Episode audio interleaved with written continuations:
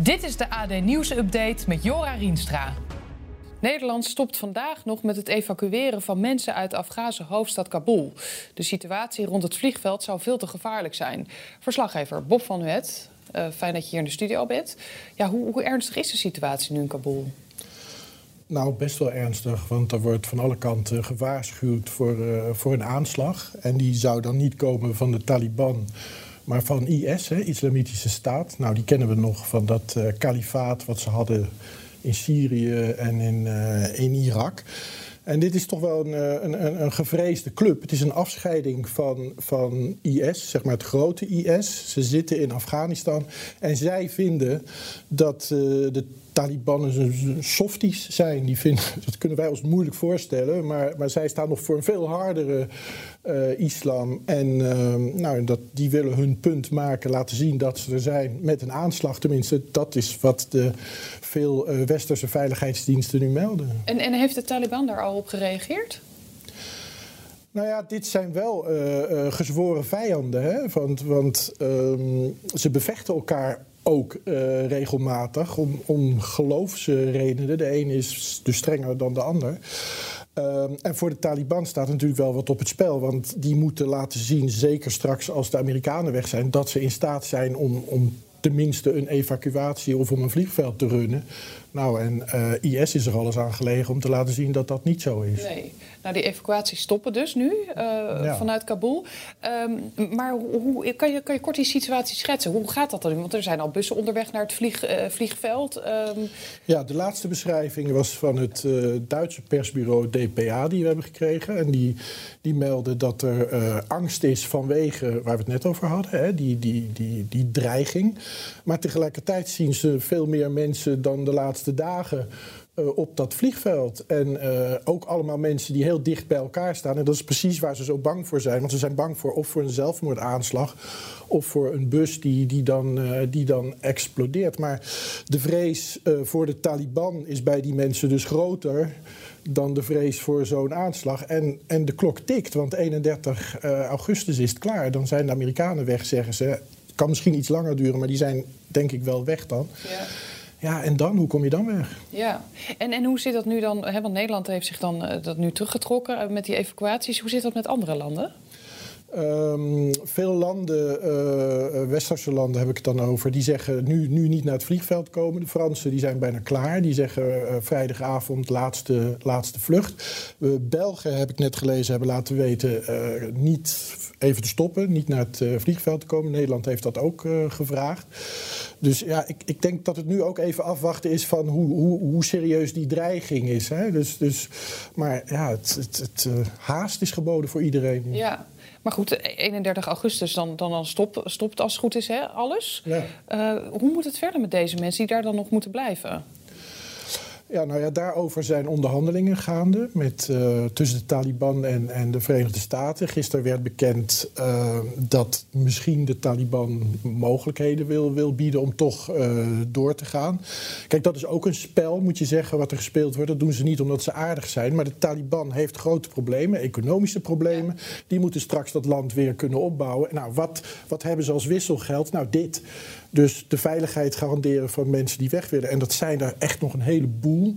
Uh, ik sprak gisteren iemand die zei: Wat je vergeet is dat de VN hebben de laatste jaren heel flink ingezet op het thema vrouwen en veiligheid. En dan moet je voorstellen: in 20 jaar zijn er allerlei organisaties opgezet waarin vrouwen dat hebben, hebben uitgedragen. Heb je het in twintig jaar over misschien wel een paar duizend vrouwen die daarbij betrokken zijn geweest. Die kunnen niet allemaal weg, zijn nog niet allemaal weg, maar moeten wel weg als de Taliban de kant op gaat van de volgende keer. Dus ja, dat soort aantallen, duizenden mensen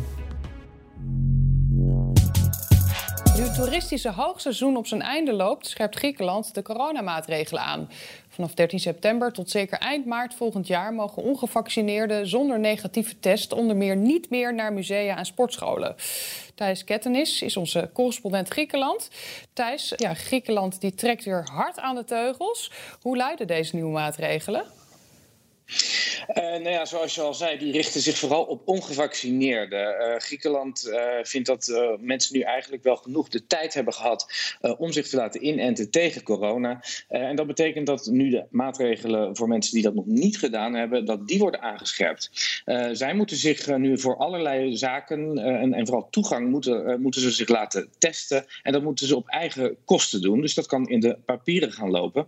En dan moet je dus inderdaad denken aan theaters en sportscholen, maar ook het OV, uh, lange afstandsbussen, treinen, veerboten, binnenlandse vluchten.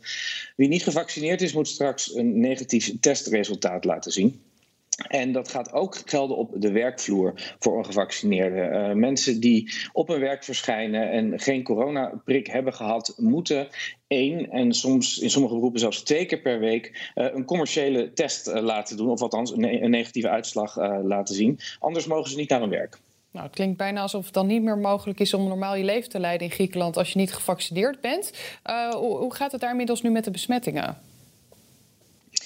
Nou, die uh, lopen eigenlijk in lijn met wat je ziet in andere landen in Europa nu weer uh, op. Uh, maar in Griekenland ging het de afgelopen dagen eigenlijk onverwacht hard. dinsdag was er zelfs een record van 4600 nieuwe besmettingen. En zoveel dat zo'n aantal hadden ze nog nooit gezien in Griekenland. Uh, sinds het uitbreken van de hele pandemie niet. Dus die schrik zit er wel goed in. tegelijkertijd is de vaccinatiegraad ook relatief laag.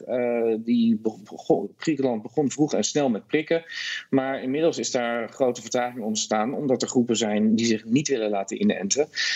dus maar 53% van de bevolking is volledig gevaccineerd nu. en 56% heeft een eerste prik laten zetten. Dus ja, dat, dat, daar, is nog heel veel ruimte eh, om, om mensen te prikken.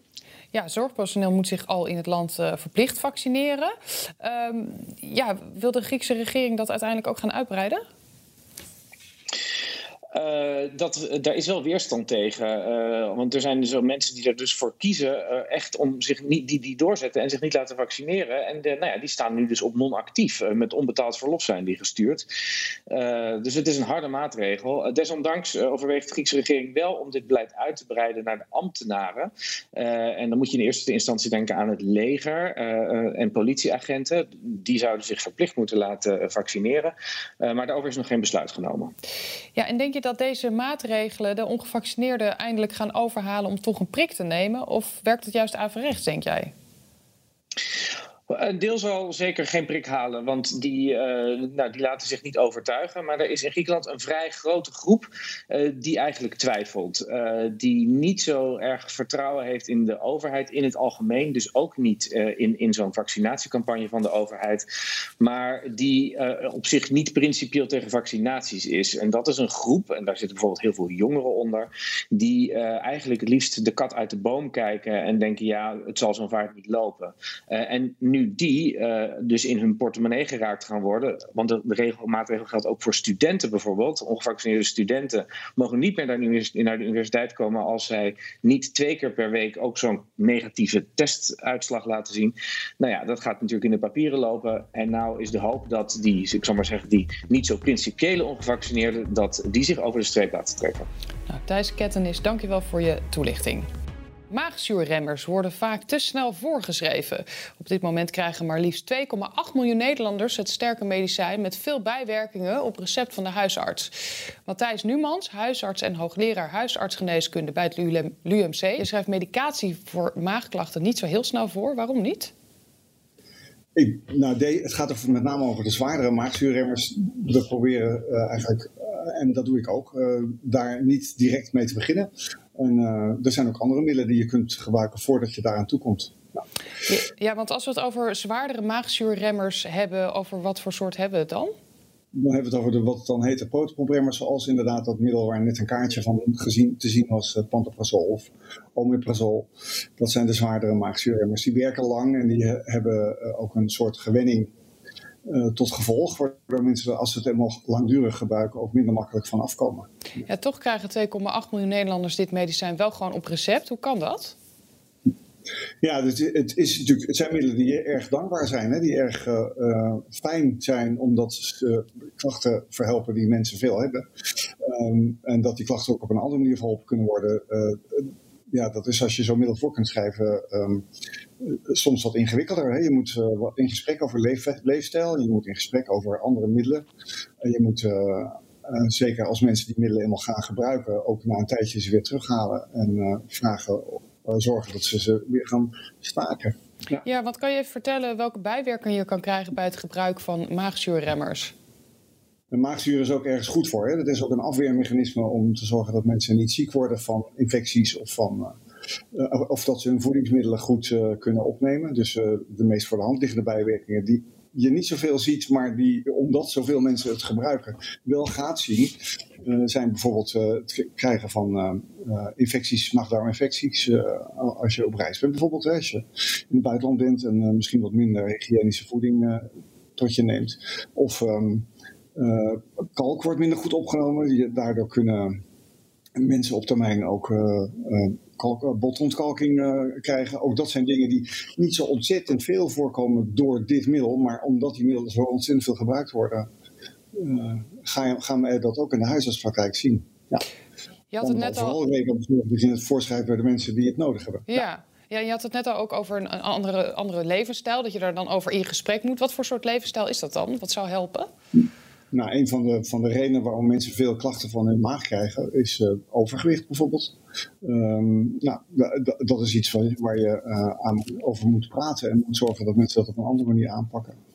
Um, veel stress, veel alcohol, veel koffie, uh, al dat soort middelen veroorzaken meer maagzuurklachten.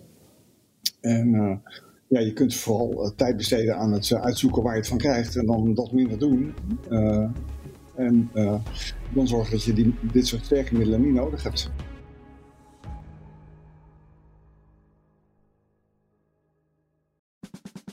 Luister ook naar onze podcast Politiek Dichtbij. In een half uur praten we hierbij over de stand van zaken op het Binnenhof. En niet alleen vanuit de wandelgangen in Den Haag, maar ook vanuit een regionaal perspectief.